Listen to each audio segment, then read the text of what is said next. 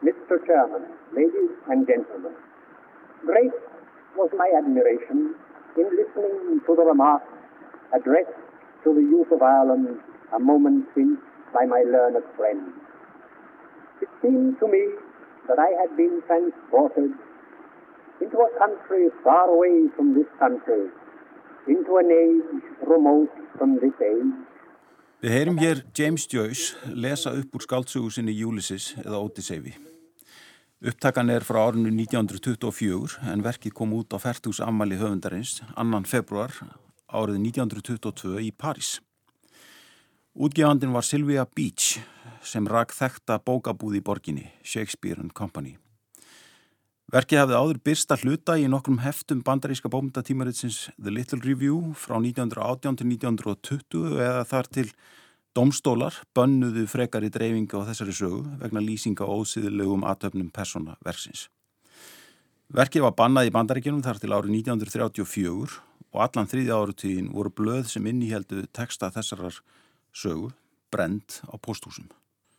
Ótisefur var sömulegis bannaður á Englandi til ásins 1936 og í heimalandi Joyce, Írlandi, kom verkið ekki út fyrir ná sjönda áratögnum þó að þarlend yfirvöld hafi aldrei formlega bannað verkið.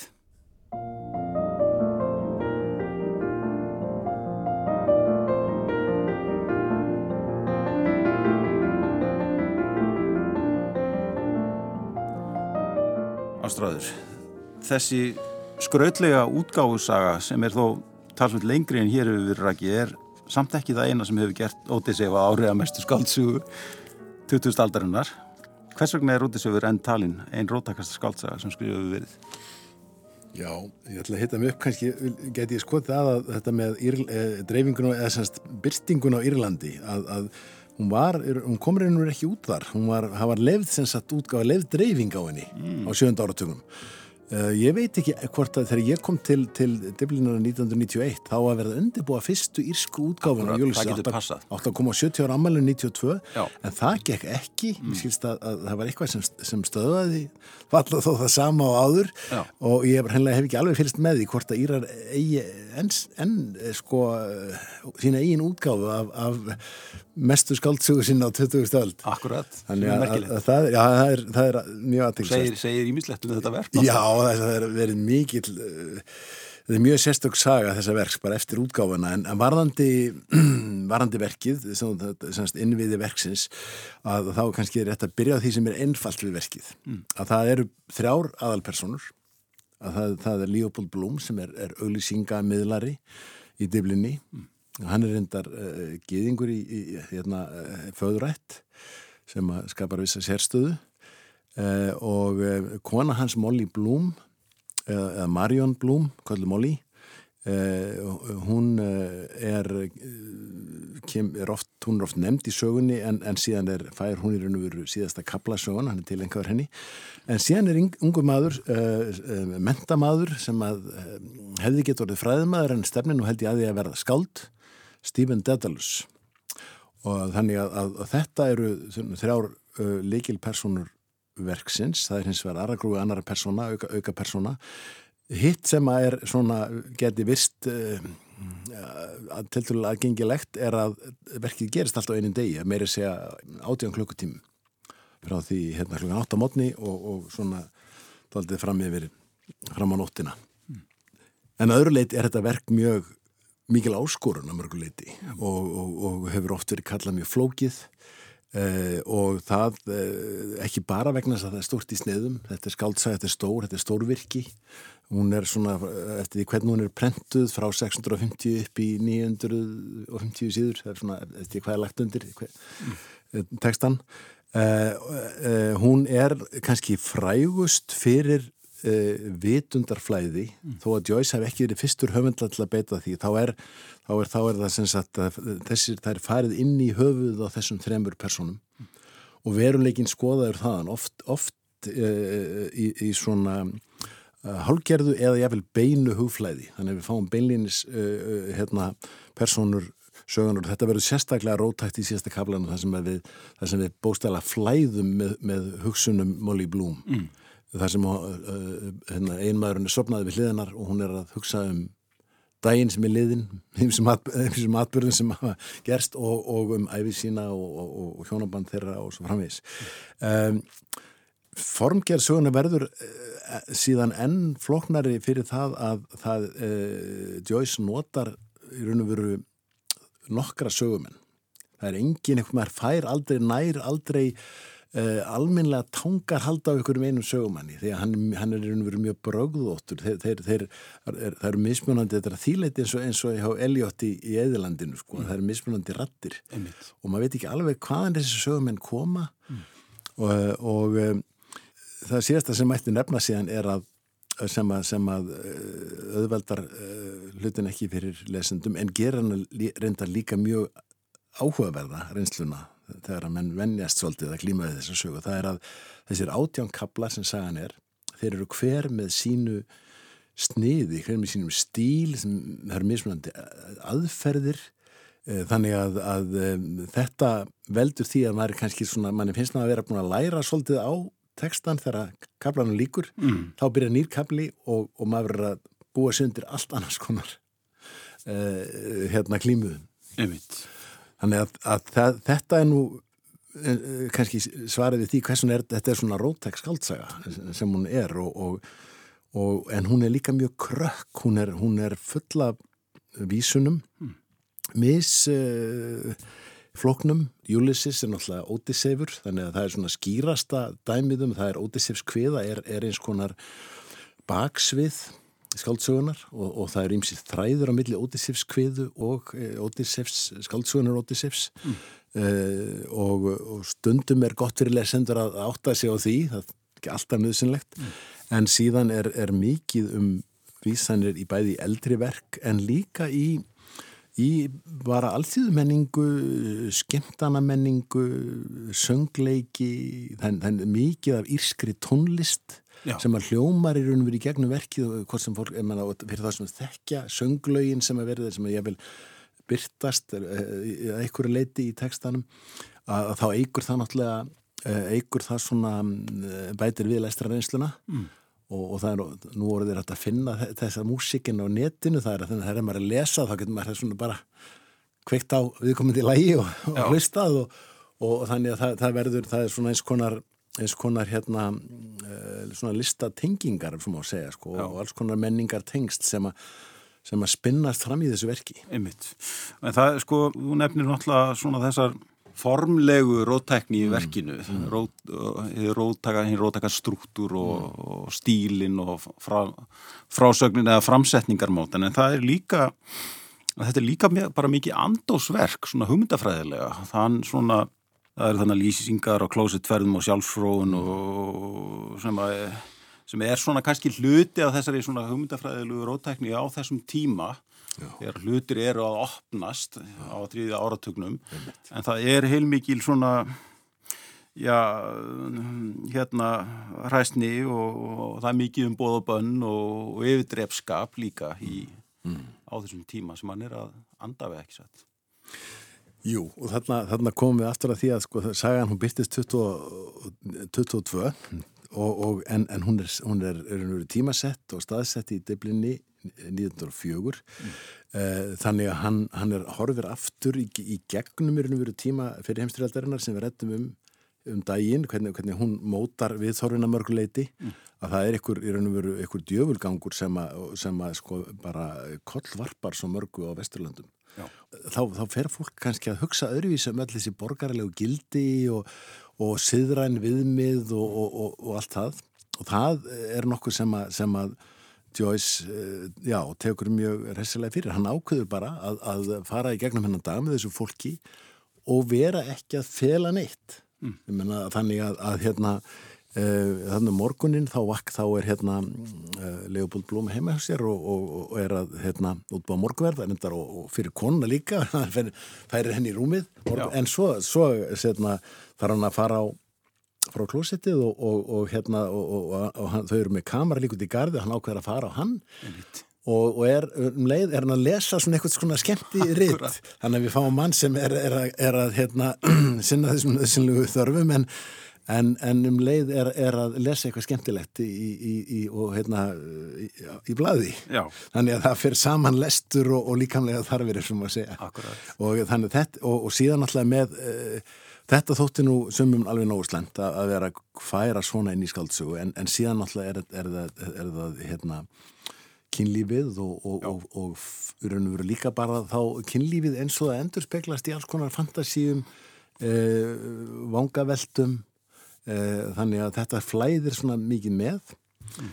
og það er náttúrulega fyrst og fremst kannski þar eh, sem að þegar verið er að, er að hugsa er að hugsa um eh, um, möguleika kynlífsins mm.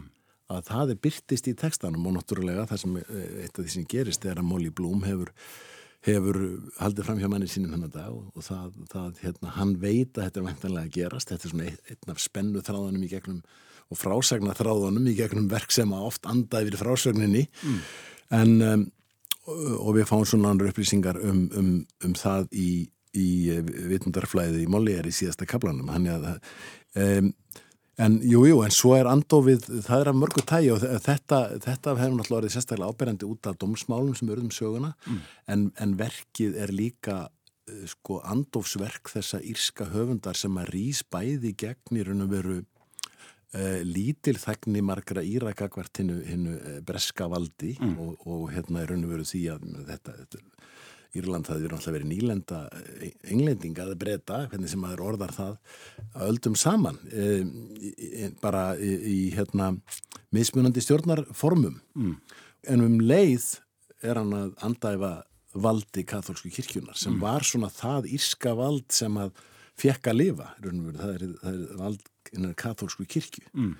Þannig að þetta er saga sem að, sem að á, á margvíslegan hátt stundum læfíslega, stundum mjög opinskátt er skrifað gegn þessum valdhöfum og í leitað eitthvað konar nútímalegri írskri tjáningu. Mm.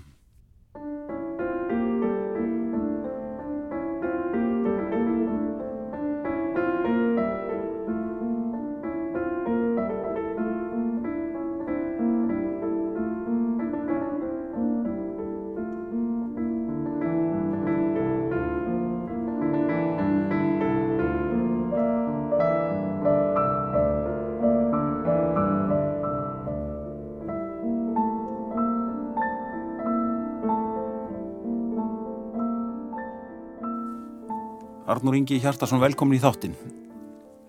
Takk fyrir það. Uh, Joyce Carol Oates saði einu sinni að það tæki sex vikur að lesa Odyssey. Það getur líklega margir tekið undir þetta, ekki? Þetta er, þetta er svolítið orðanlegt verk. Uh, sex vikur er nú bara bísna góðu tími held ég. Ég held að, maður, ég held að það sé alveg sprettlaup sko í rauninni. Ég, hvað, ég er búin að vera að lesa það núna í hátt í fjögur ár og mér finnst ég ekki að það vera búinn einhvern veginn. Það er, uh, jável þó maður byrja alltaf aftur þá er eins og maður byrja á öðrum staðum maður, maður uh, gekk inn í það fyrst og, og þetta er magnað því leiti, sex vikur er er, já, bara, bara það er mjög góðu tími sko. Bara vel gert. Einhvern tíman eh, las ég sko að, að sagan hefði verið hugsuð þannig að það væri hægt að lesa hann á sama tíma og, og, og jafnlengun tíma og innri tímin er sem er þessar átján, átján klukkutímar. Heldur að það sé ykkur möguleiki? Ekki séns. Uh, en maður lítur bara á uh, hljóðbókóðgóður. Þetta er, uh, er tölvöld lengra heldur en átján klukkutímar sko. Þetta er alveg slagar upp í tvo daga sko held ég. Tímin í Ótisefi, hann er þetta mjög mikilvægur og bæði sé innri tímin sem eru þessir átján klukkutímar mm -hmm. uh, þessi dagur í diblinni og svo einni ytri tímin 16. júni 1904 einn spurningin er af hverju þessi dagur? Því er nú ekki auðsvarað endilega en ég, þetta er dagurinn sem að má segja Joyce hafi runnið saman við konu sína fyrir fullt og allt. Svo má segja. Það er, uh, þau kynntust ekki á þessum degi en þetta var í rauninni fyrsta stefnumótið og á þann hátt á er þetta í rauninni ástardagur í rauninni og á margan hátt. En fyrir mitt leiti þá kýrs ég að uh, líta líka þannig á að Joyce hafi staðsett þessa sögu á þessum tíma vegna þess að þetta er eins og eins konar tímahylki. Hvernig Joyce skapar þennan dag í þessari skáldsögu eða endur skapar þennan dag en þess að hann náttúrulega tekur, hann gengur mjög langt með uh, mímesis eða, eða eftirlíkingu í framsetningu veruleikans og í, í þessum í, í, í uh, frásagnartaktík og uppbyggingu um leið og hann byggir síðan náttúrulega á fornum uh, sagnarfi eða súlum uh, segja, og hérna af hverju hún gerist á þessum degi? Það er, þetta, það er margar ástæði fyrir því í rauninni. Það er, uh, ég held að þessi tiltekna dagsetning ég held að hún sé Joyce hjartfólkin engum vegna þess að uh, þarna hófst hans ástarsamband með, með konu sinni, mm. Noru Það er kannski líka óvinnulegt í þessu ríti að, að það er Það er fyrst og fremst, eh, byggist fyrst og fremst á sviðsetningum og það er lítið ef nokkuð um yfirlitskabla og, og tíma eigður eru ekki margar í, þessu, í þessari sögu. Nei, ekki margar. Eh, það eru nú einhverjar þó. Það er, hann segir ekki allt í rauninni sem að gerist, jáfnvel þó að komi fram síðar með einhverjum hætti uh, í endurminningu eða, eða í samræðum eða, eða hvernig sem það kemur til. Hann er svolítið uh, hvað maður segja hann, er, hann njörvar tíman verulega niður í þessari skáldsögu og, og, og tímasettur hvert andartak sem að útskýrir að að miklu leiti þessa, þessa hugmyndum að maður ræði að geta lesið bókina á átrum klukkutímum en en það er ekki svo. Já, það er kannski sérstaklega sko eitt kaplinn, kirk, kirkukaplinn svo kallaði, mm -hmm. sem er eh, fyrirna langur og, en á, á að gerast á einum einni klukkustund, er það ekki? Þannig að minna, finnst þér það að vera vegna þess að þetta er miklu leiti einhvers konar innra líf sem bara gengur á öðrum hraða Uh, jú, vissilega. Þetta veldur líka svo litið á uh, tímarýmum í skáldsögunni eins og ég nefndi áðan uh, með hvernig Joyce svona ímist dregur saman eða þenur út tíman sem er í hverjum kabla fyrir sig eða margbreytilegt innan hvers kabla jafnveg líka. Það er í hérna kaplanum sem ásist að á landsbókasafni Diblinar, þar fá í rauninni nokkus konar bókmentasöguna niður soðna í þennan eina kabla uh, og kenningar um Shakespeare og, og, og, og auðvitað kallar tímarýmnið á útenslu tímans á vissan hátt í þessu, þessu rými sem bókasafn, sem safn tíma í rauninni og safn menningar og tungumáls. Og þetta endur speglast allt saman, hvað sem það er í formgerð, stílbröðum eða eða bara gangi tímans í verkinu á vissan hátt. Og lestra tíma líka verðan þess að maður er alveg um, mjög lengi, ég var næst í búin að blóta en, en maður er mjög lengi með þann kabla í, í, í lestri. Það er uh, og það er Joyce vísvitandi held ég líka að leika sér að upplifun manns á, á tíma sko, tíma, hann er hérna ennþá, hundra árun síðar einhvern veginn að krukka í tímaskinjum manns uh, sem lesanda. Og þetta er útrúlegt. Og að því leiti þá er þetta rosalega kvikt verk um leiðu það njörfað niður á þessa eina dagsetningu þá náttúrulega það er þessi nútími sem að á sér stað öll þessi umbrott og, og uh, hörmungar líka sem dinja yfir Európu og, og í rauninni svona ákveðin endalók breska heimsveldisins líka uh, eða einhvers konar breytingar að, minnstakosti sem að marka þetta verk og, og það er ekki ástæðalösi sem að lætur hann að gera slíka uh, á þessu ári þar sem að Írlandi er enn uh, hvað, á valdi krúnunar uh, en nýlenda uh, já, allt þetta markar verkið og, og mjög djúbstæðan og rótt takan hátt, það er, ég held að sé ekki að þetta neyta því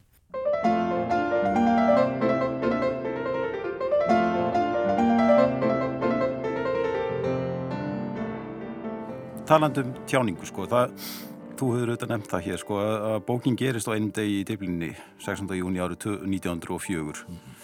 lesandi fær á körnum svo að segja bókstallega að fylgja hugsunum personuna og, og þetta svona hugsanaflæði í, í texta var eitt af því sem kom lesendum svona svolítið kannski opna skjöldu á sínum tíma og er hluti af þessu svona þessari rótæku frásögn og þetta er sko langt frá því að, að að Joyce fari alltaf svona frá A til B í frásögninni eins og þú sagði líka á þann svona eins og lesendur höfðu kannski vanist í, í raunsæðislegum skáldsugum nýndaldarinnar en samt er kannski alveg hægt að tala um að, að þessi bók sé tilrönd til nákvæmrar og, og, og raunsæra lýsingar á daglu lífi ekki satt. Það er einhvers konar raunsæðis hugmynd á bakvið þetta. Já, já, já, þetta er eins konar, eh, þetta er mjög rótæk raunsæðis tilrönd, þetta er eins og eins og sum verk mótenismans eru, eru raun og veru bara eh, hérna, rótækt raunsæði, það sem að gengið er lengra í ímsu og, og raun og veru þá raunsæðið í staðis að hafa kannski einhvern sögumann sem að er, er, er svona, fær að horfa inn í, í kollinu og hinnum á þessum og segja frá og til því að röglegan hátt. Mm. Þetta er einn tegundur raunsæðis en þetta er náttúrulega ekkert eina raunsæð. Það er alveg mikið raunsæði að fara og elda bara hugsanenda bynd af fólki. Mm. Það sem að það reyka á milli, milli hérna, eitthvað, eitthvað sem er að gerast á stundin og síðan vaknar eitthvað minning og þá er farið í raun og veru inn í hana mm. og hún spinnst saman við, við það, það sem er að gerast á stundina. Mm. Eh, þetta er það sem við uh, lifum öll á hverju meinasta degi. Þannig að þýleiti er James Joyce að, að elda hverstægin mm. og hann valdir sérstaklega dag uh, uh, hérna sem er 16. júni og þetta er vilt svo til að þetta fer svolítið inn í 17. júni sem er alltaf skemmtilegt fyrir okkur í slinga en, hérna, en uh, hann, hann velur dag þar sem það gerðist ekkit stórvægilegt Já. í diblinni, hann alltaf kannaði þetta allt mjög vel mm. þannig að, að þetta getur kallast venjulegur dagur í borginni mm -hmm og það eru þessi, þessi, þessi, þessi þeirna, þeir, þeir kallar uh, Stephen og, og, og, og Blum þeir eru á sinni ferð fara heilmikið um borgina Já. eru svona flanurar eða flandrarar og það er mjög aðtilsvert að fylgjast með því hva, hvert er farið og hverju þeir hitta og þannig kortleggur Joyce ekki bara hverstæðin í borginni heldur, heldur ímsa svona likil staði maður fær svona þess að hugmyndum virkni fjölmiðlað þarna Eh, en líka í mitt eh, svona sögulegt vægi hins breska valds og á hvaða stöðum það vald tengist í borginni. Mm. uh, og trúin kemur hérna náttúrulega við sögu og, og drikjan Írar er náttúrulega fræg drikju þjóð Já. og svo músíkin. Þetta er bók sem ómara músík. Það er erfitt að ímynda þessi þjóð að það er en bara Ítali sem er ja, sko músík þjóð og Írar. Já Ytri tímin er mm. svona mjög svona venjulegur dagur eða sögutímin er venjulegur dagur í Íra en innri tímin er hins vegar mjög flókið fyrirbæri. Hann er markflókið fyrirbæri og, og, og, og hillandi og er, meina, þetta er svona bók sem að kallar á eh, mikla aðtili og uh, þetta er ekki afþreyingalestur náttúrulega en, og ég myndi ég vil segja að nú er þetta auðvilt að inn á netinu er þetta að fá alls konar hérna svona hjálpari gögn til þess að átta sig á alls konar tengingum mm. í verkinu og það er ekkit að því að ég held að, ég held að flestir eh, nútildag segja að það er ekkit að því að ná sér í slíkt mm. til þess að hafa, hafa til hliðsjónar eh, og, og vegna þess að það er bara, þetta er bara svona menningareisa mörguleiti, þetta er menningareisum hverstæðin mm.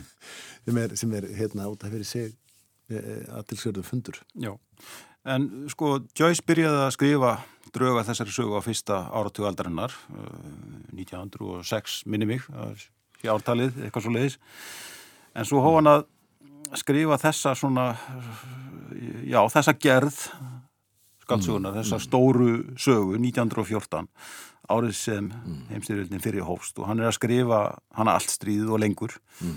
og við rættum að eilítu um tengsl eðilandsins við stríðið síðast þetta en þetta verk er einnið einhverju leiti svona afur stríðsins ekki sagt Jú að því leiti að, að hann er að nýta sér í raun og veru þá lífsreynslu sem fólk hefur öðlast. Mm. En það er svo áhugavert að hann eh, getur náttúrulega ekki sviðsett hana beint. Mm.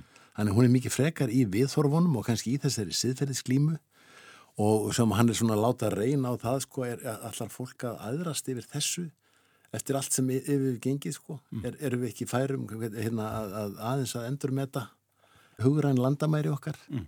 Eh, þannig að svo, spenna eh, er, er mikilvægi þessu verki. Já, uh, og, og það eru svona augnabliki verkinu þar sem að, menna, það, það, það er byrtast fylkingar manna, það er hérna, herrmanna sem er að ganga og svona það er viss teikn um, um það sem að á eftir að gerast.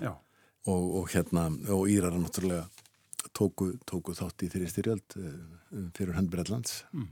En sko Dýblín er auðvitað sögusviðið og mikilvægi þessu verki en, en það er önnuborg, það er París þar sem bókin kemur út 1922 Já. það er mikil degla þar á, á, þegar, á þeim betur, heldur betur og það er, það er mjög aðteglisvert að, sko, að Joyce sem er náttúrulega útlægi það er náttúrulega, segi, sko Andofan spyrtist meðal hann, á, hann ákveður þó hann sé uppfullur af þessu sögusviði. Mm. og elskið þessa borg og þetta land að þá, þá er óþól í honum, hann bara erfitt með að, að búa hann eins og, eins og mál, málum var háttað þannig að hann í raun og veru eftir hann egnast kærustu Nóru Barnacle mm.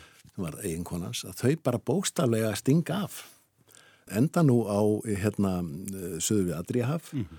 og búa lengi vel í, í, í Trieste heimitt Uh, og, en síðan þegar eftir að fyrir heimsturöldinu skollin á þá flytjaði til Sviss sem er, er hlutlöst ríki og, og, en, en svo er aðdilsvert eftir stríðið þá kýst Joyce eða kjósa þau hjónin að flytja til Paris það er ekki aftur mm. til, til, til Trieste og hérna um, og það er eflust vegna þess að Paris er, er verður bara mjög fljótlega eftir stríðið einhvers konar söðupottur mm. og það byggist eitthvað lit á sögu Parísaborgar og kultúrsins þar fólk reynilega áttaði sig á því að, að þarna var eins konar stefnumóta staður menningarinnar. Og, og staði sem gott verið að búa og, og, og það sapnaðist fólkur ímsum áttum. Einmitt. og þannig eru stórir höfundar Já, á sama tíma að... heldur betur, það var náttúrulega líka höfundur sem hafi held ég búið allir sín æfi í París sem er eh, Marcel Proust. Já. annar af, annar af eh, stærstu skaldsagna höfundum aldarinnar og hann deyri mitt þetta ár. Þannig að síðar þetta ár 22 Akkurat. Þannig að hann, það er enn, er enn, enn eitt kennileitið að þessu, þessu merka ári Já. 1922 Já.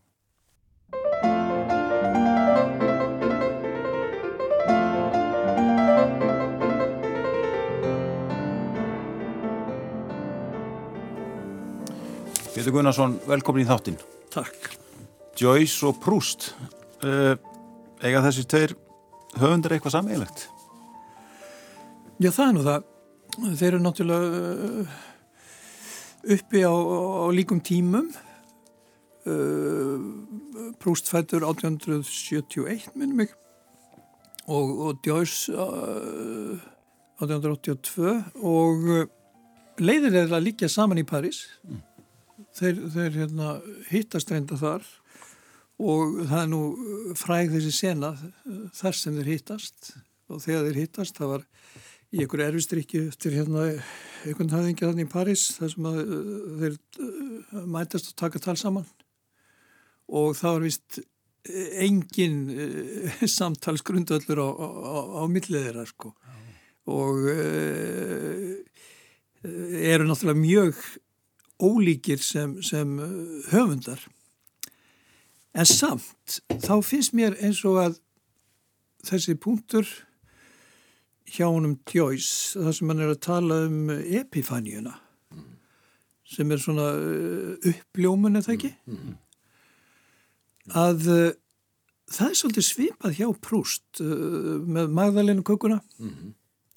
og, og fleira þegar að eitthvað svona utanakomandi atvik eða kveikir einhverja mikla hugrás og atbyrðarás og, og setur í gang setur í gang uh, svona mikið sögu fljót í raun og veru svona, kannski þessi tveir punktar finnst mér vera líkir hjá þeim. Hvers vegna er, er Prúst svona mikilvægur nútíma höfundur? Sko Prúst uh, hann uh, áttir um frekar erfitt uppbrottar uh, þetta verkans uh, fyrsti hlutin kemur út 1913 og og þá kemur heimstyrjöldin fyrri inni og hún, hún klippir alveg á þráðin hann í, í fjögur ár þannig að, að svo bók hún fær í raun og verið enga aðtegli og, og týnist mjög En á þessum fjórum árum að þá blæs þetta höfundaverk mjög út. Þetta áttu uppalega bara að vera þrjúbyndi. En, en uh, við uh, heimstyrjöldina og, og, og tíma, tíma sem skapast hann náttúrulega var hann var, ekki, hann, var óhæfur til herrmennsku brúst, þannig að hann satt bara heima eða lág í sín rúmi og, og skrifar verkið áfram og þá, þá fer það út í þessar miklu vittir. Hann, hann eh, fær að vísu gongur verlunin, eh, þekktustu bómduverlun frakka fyrir hérna í skugga eh, ungra blómarósa, verki sem kom út næst á eftir leiðin til svan. Mm. En, en síðan finnst mann eins og það fjari nú bara mikið undan honum og, þegar að síðan að næsta kynslu kemur þarna Sartre og Camus og Malraux og, og þeir að þá er sko þjóðfélagslega skaldsagan komin mm -hmm. og þá bara dettur prúst algjörlega út mm þeir, þeir bara minnast ekki á hann og það er síðan ekki fyrir en sko eftir stríð. Og með nýskaldsögunni sem að, sem að prúst uh, færist aftur inn á sviðið. Og þá gælnan mikið sko viðfansefni fræðimanna. Að þá er það, það heinsbyggingar eins og Dulus og, og Kristefa bómyndafræðingar eh, eða, eða ný höfundarnir, Natalie Sarraute til dæmis, sem að, sem að lifta svona hans merki og, og setja hann einhvern veginn aftur í fókus mm. og síðan hefur það bara staði sko, svo þegar að, að höfundaverki fellur úr höfundarétti þannig að 80 eitthvað sko þá kemur rosalega uppsveifla í útgáfum á, á brúst mm. og, og, og síðan má segja að hann hafi bara verið stöðugt í umferð og nú er hann bara orðin svona eins konar já hvað ég að segja, hann er orðin bara svona svo eitthvað þjóðar minnismerki frakka sko. Náttúrulega allir sem að þekkja hann mjög fáið sem að lesa hann. Mm. þannig að, já, já.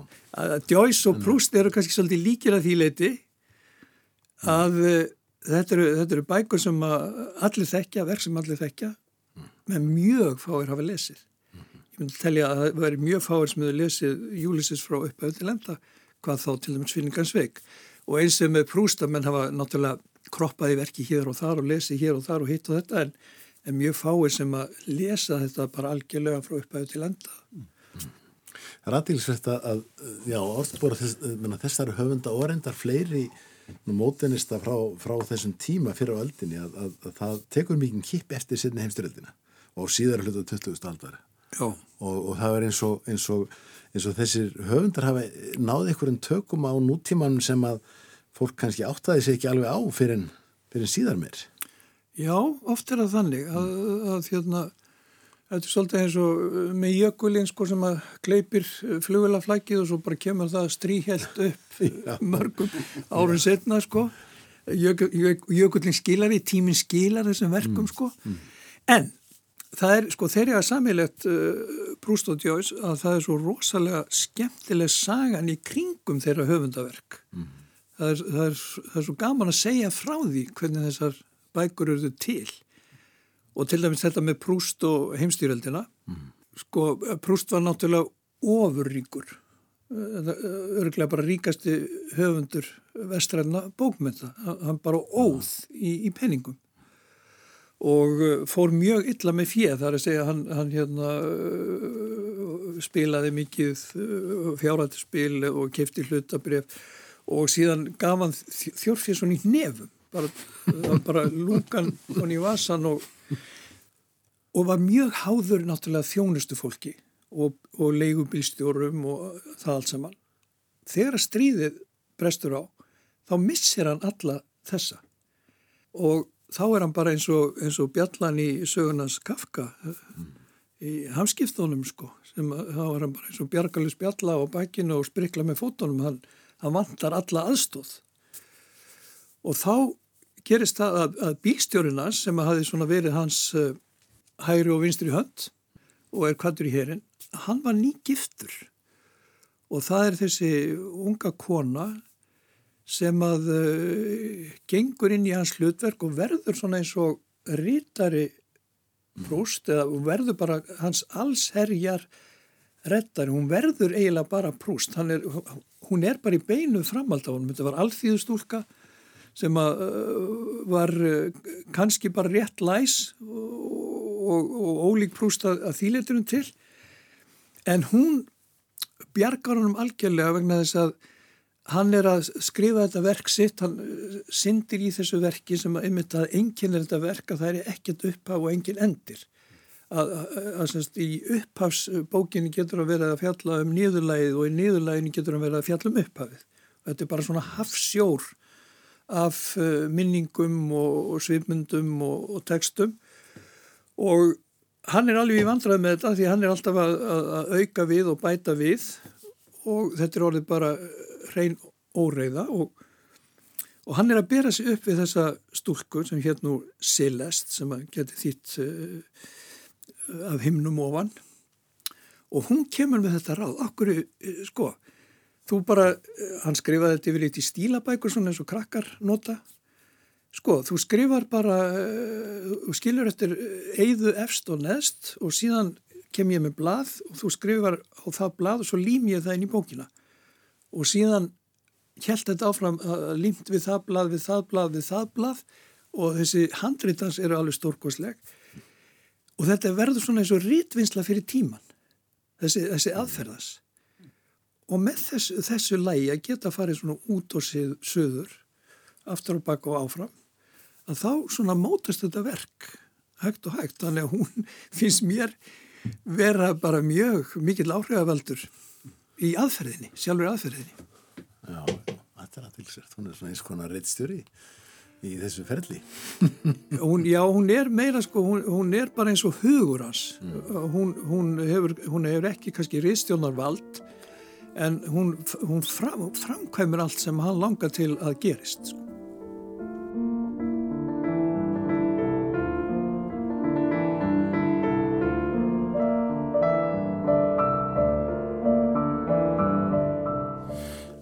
Ástrað, við erum búin að draga upp mynda Ótisefi eh, sem svolítið svona órennilegri skaldsug mm. en er samt ekki ástæði til þess að hvetja fólk til þess að Jú, að lesa að lesa og, og, og, og ég sko, kynast þessu fólki sem er að það Jú, og við eigum, eigum náttúrulega sem betur fyrir eigum við, eigum við þýðingu á, á hérna, Ótisefi sem er vísu er, er löngu uppselt uh, væntanlega, kom út uh, það er þýðing Sigurðara Magnússonar.